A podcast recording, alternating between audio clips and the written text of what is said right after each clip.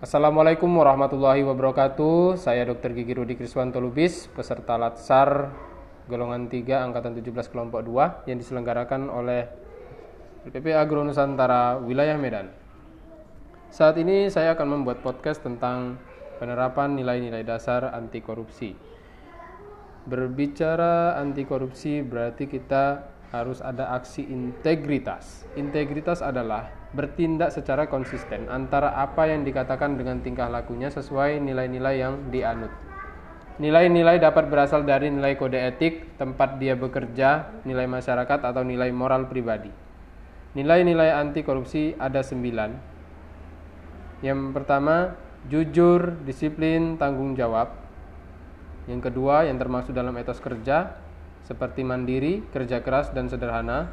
Yang ketiga, sikap, seperti adil, berani, dan peduli. Indonesia merupakan negara yang kaya akan sumber daya alam. Namun, mengapa pada kenyataannya masih banyak yang berada pada garis kemiskinan? Salah satunya adalah masih tingginya angka korupsi di Indonesia. Bagaimanakah cara kita agar terhindar dari korupsi, terutama di wilayah kita bekerja? Yang pertama, memiliki kesadaran anti korupsi. Siogianya, kita harus sadar bahwa segala sesuatu yang kita lakukan suatu saat akan diminta pertanggungjawabnya sehingga apabila kita baik maka akan baik pertanggungjawabnya di mata Tuhan Yang Maha Esa. Yang kedua, internalisasikan nilai-nilai dasar anti korupsi yaitu dengan berbuat baik, jujur, peduli, mandiri, disiplin, tanggung jawab, kerja keras, sederhana, berani, dan adil. Yang ketiga, cara kita agar terhindar dari, dari korupsi adalah mengambil peran sebagai tunas integritas, yaitu sebagai anti korupsi. Penerapan 9 nilai anti korupsi di unit organisasi tempat saya bekerja yaitu Puskesmas Aikraso. Yang pertama, nilai kejujuran, yaitu tidak menitip atau memanipulasi absensi kehadiran yang direkap tiap bulannya. Yang kedua, Nilai disiplin yaitu ditunjukkan dengan datang tepat waktu agar pelayanan kepada pasien tidak terganggu. Yang ketiga, tanggung jawab.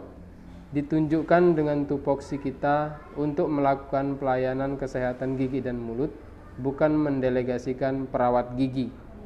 Yang keempat, mandiri, yaitu dengan cara terlaksana apabila perawat gigi sedang berhalangan hadir, maka kita bisa bekerja sendiri apabila perawat yang lain masih sibuk.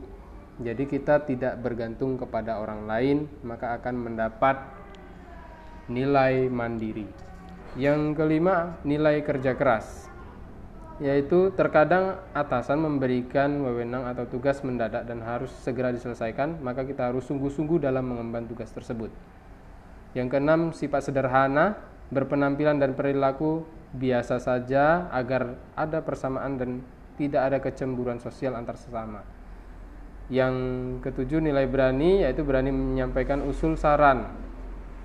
Yang kedelapan nilai peduli. Jika rekan kerja sakit, kita tetap membantu tupoksinya agar pelayanan tidak terganggu. Yang terakhir adalah nilai adil, yaitu melakukan pelayanan yang sama terhadap siapa pun dengan sikap yang ramah, sopan, dan santun.